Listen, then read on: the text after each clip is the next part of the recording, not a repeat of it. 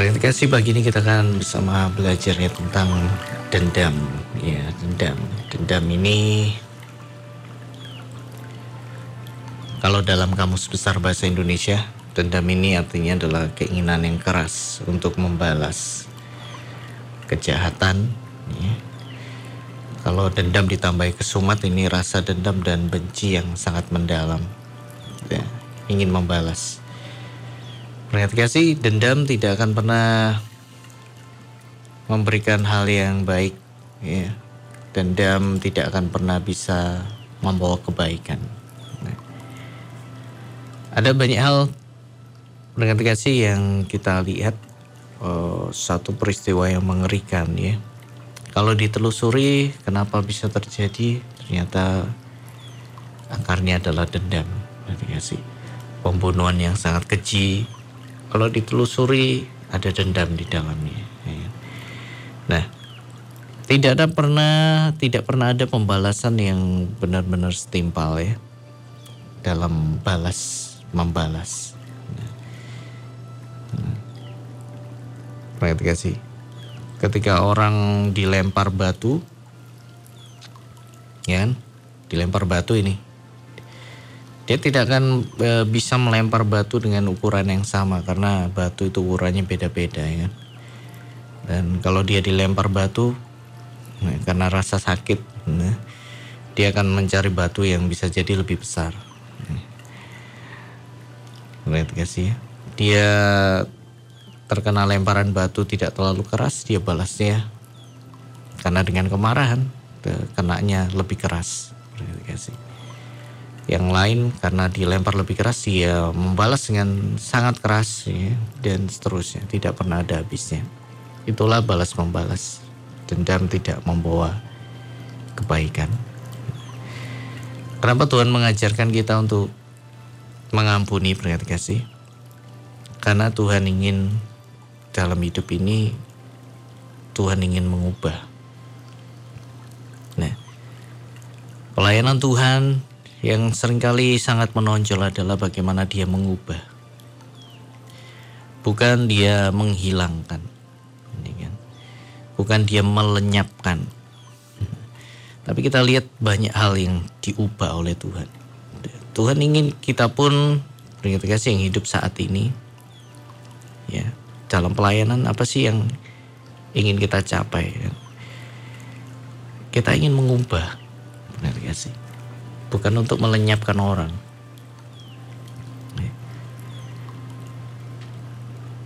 Di dalam Roma pasal 12 ayat yang ke-9 dan seterusnya di situ ada satu nasihat untuk hidup dalam kasih. Saya dalam ayat yang ke-9, hendaklah kasih itu jangan pura-pura, jauhilah yang jahat dan lakukanlah yang baik. Kasih itu jangan pura-pura, jauh yang jahat, lakukanlah yang baik. Kita hidup dalam kasih ketika kita melakukan yang baik buat sesama kita. Berhenti kasih ya. Kemudian di ayat selanjutnya, di ayat yang ke-14. Berkatilah siapa yang menganiaya kamu, berkatilah dan jangan mengutuk. Kenapa kita dinasihati untuk memberkati siapa yang menganiaya kamu? Berkatilah dan jangan mengutuk ada kuasa di dalam lidah setiap orang percaya pendengar kasih. Nah. Kenapa kita diminta memberkati orang yang menganiaya kita? Jelas karena Tuhan ingin mengubah orang yang menganiaya kita akhirnya menjadi sahabat kita. Ya.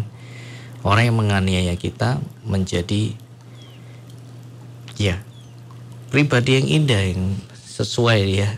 Sesuai dengan gambaran Tuhan. Dari penganiaya menjadi sahabat menjadi saudara. Anda ingat tentang kisah Saulus? Yang diubah menjadi Paulus. Saulus itu penganiaya.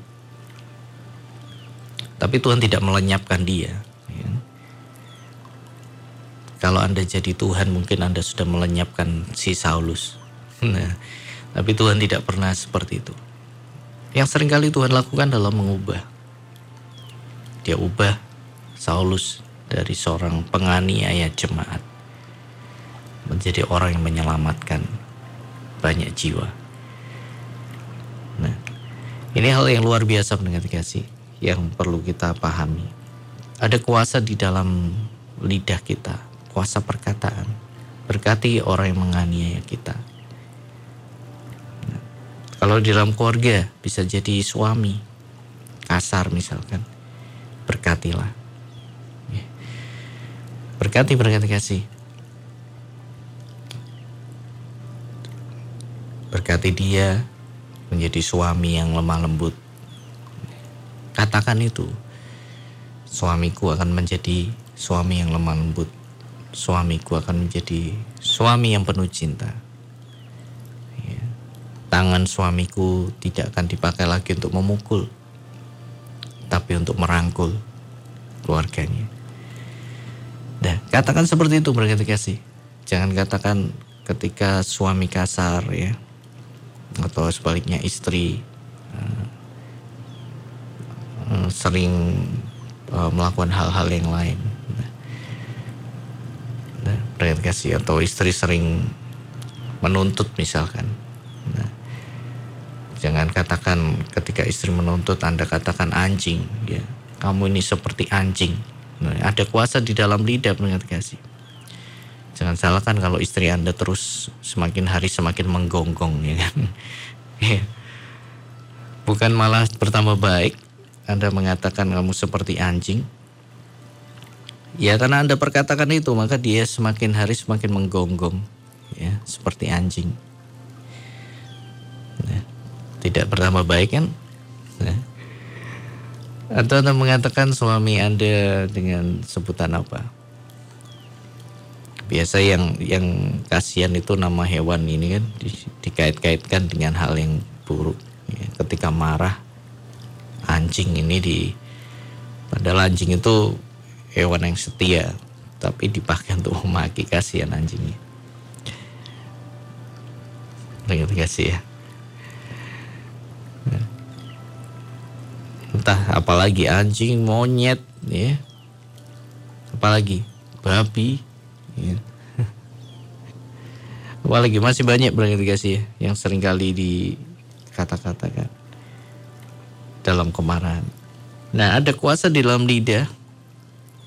Karena itu hati-hati menggunakannya berarti kasih. Lebih baik ucapkan berkat. Karena Tuhan ingin mengubah. Ya, istri, eh, suami yang kasar misalkan ya. Suami yang kasar. Ya, Tuhan itu mau ubahkan. Lewat kehidupan keluarga tentunya. diubahkan bukan untuk diceraikan gitu ya sangat mudah sekali dalam hidup ini main cerai menceraikan pecat memecat ya kan? Putus memutuskan hubungan. Nah, hidup ini bicara tentang mengubah. Berarti gak sih?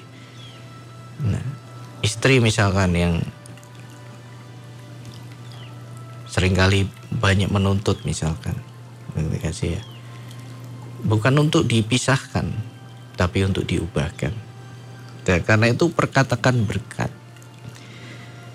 Berkati siapa yang menganiaya kamu, berkatilah dan jangan mengutuk. Ada larangan, jangan mengutuk. Karena lidah kita dipakai untuk memberkati. Ya. Karena Tuhan mau kita membawa perubahan dalam kehidupan ini. Berarti kasih ya. Jadi kalau ada orang yang menyakiti Anda, mungkin bukan masalah keluarga. Ada orang yang sangat benci dengan Anda. Nah, berkati dia. Nah, bukan supaya orang yang membenci kita itu nanti kena azab, ya, istilahnya, kena musibah. Ya. Kemudian kita puas. Ya. kasih. Jauh lebih indah melihat orang yang membenci kita itu kemudian tiba-tiba berubah mengasihi kita itu jauh lebih indah menurut kasih. Nah, caranya adalah dengan mengucapkan berkat. Nah, orang-orang yang membenci kita diperdamaikan dengan kita. Nah, itu adalah hal yang sangat indah. Nah, Seringkali ketika kita membenci sesuatu, kita ini cenderung membuangnya ya kan. Ketika kita dibenci, kita balas membenci. Saya nggak salah kok dibenci kayak gini. Ya. Kemudian kita mau membuang dari kehidupan kita. Saya nggak mau berhubungan dengan dia. Ya. Setiap orang yang membenci sesuatu pasti dibuang. Ya. Kan? Tidak suka dengan sesuatu cenderung dibuang. Tapi Tuhan mengajar kita ya, sesuatu yang tidak kita sukai ya tentu orang menganiaya kita kita tidak sukai. Orang membenci kita kita tidak sukai. Semua itu bukan untuk dibuang, tapi untuk diubah. Dan akhirnya bersama dengan kita, begitu ya. Nah, kita mau belajar hal ini berarti kasih. Ya. Dalam Roma 12 ayat yang ke-20 atau 19 ya dituliskan, Saudara-saudaraku yang kekasih, janganlah kamu sendiri menuntut pembalasan, tetapi berilah tempat kepada murka Allah sebab ada tertulis, pembalasan itu adalah hakku. Akulah yang akan menuntut pembalasan, firman Tuhan. Di ayat yang ke-20. Tetapi jika seterumu lapar, berilah dia makan. Jika ia haus, berilah dia minum. Dengan berbuat demikian, kamu menumpukan bara api di atas kepala kepalanya. Janganlah kamu kalah terhadap kejahatan, tapi kalahkanlah kejahatan dengan kebaikan. Nah, di sini kita tidak boleh membalas benar kasih.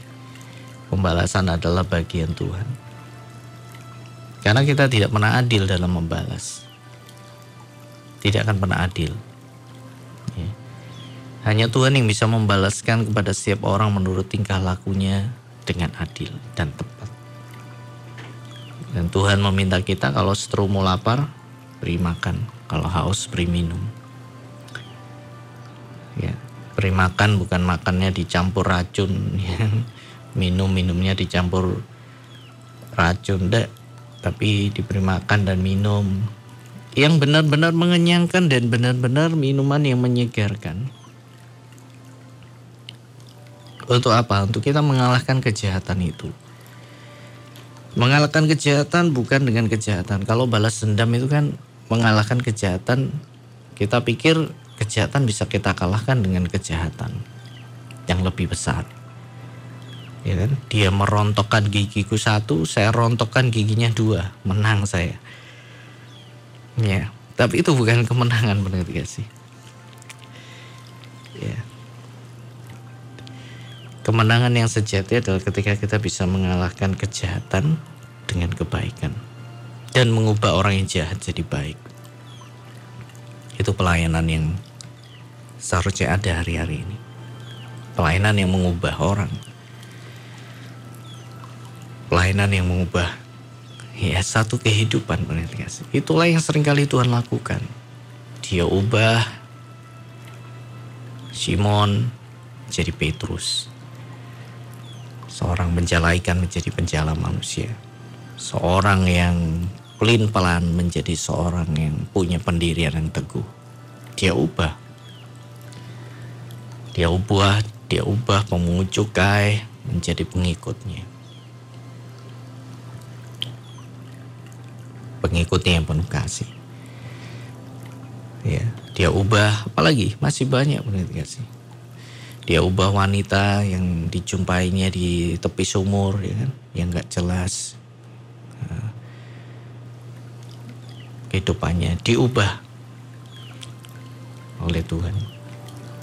Nah, itulah hal yang perlu kita pelajari dari Tuhan. Bukan untuk membuang, bukan untuk mengucilkan, tetapi untuk mengubah menjadi baik, menjadi sesuatu yang berharga. Nah, jadi mulai hari ini berkati benar kasih. Karena ada kuasa di dalam lidah kita. Siapa yang mau kita ubah? Perkatakan berkat bisa jadi itu suami bisa jadi itu istri anak-anak jangan katakan kalau anak-anak ini nuakal anda kata-kata tuyul begitu ya dasar tuyul gitu ya Nah, jadi tuyul beneran dia berkat kasih. ya.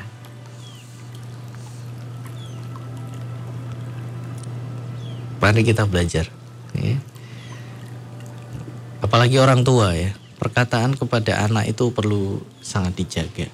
Jangan dalam amarah mengutuki anaknya dengan kata-kata anjing. Ya dan berbagai macam hal yang lain. Hmm.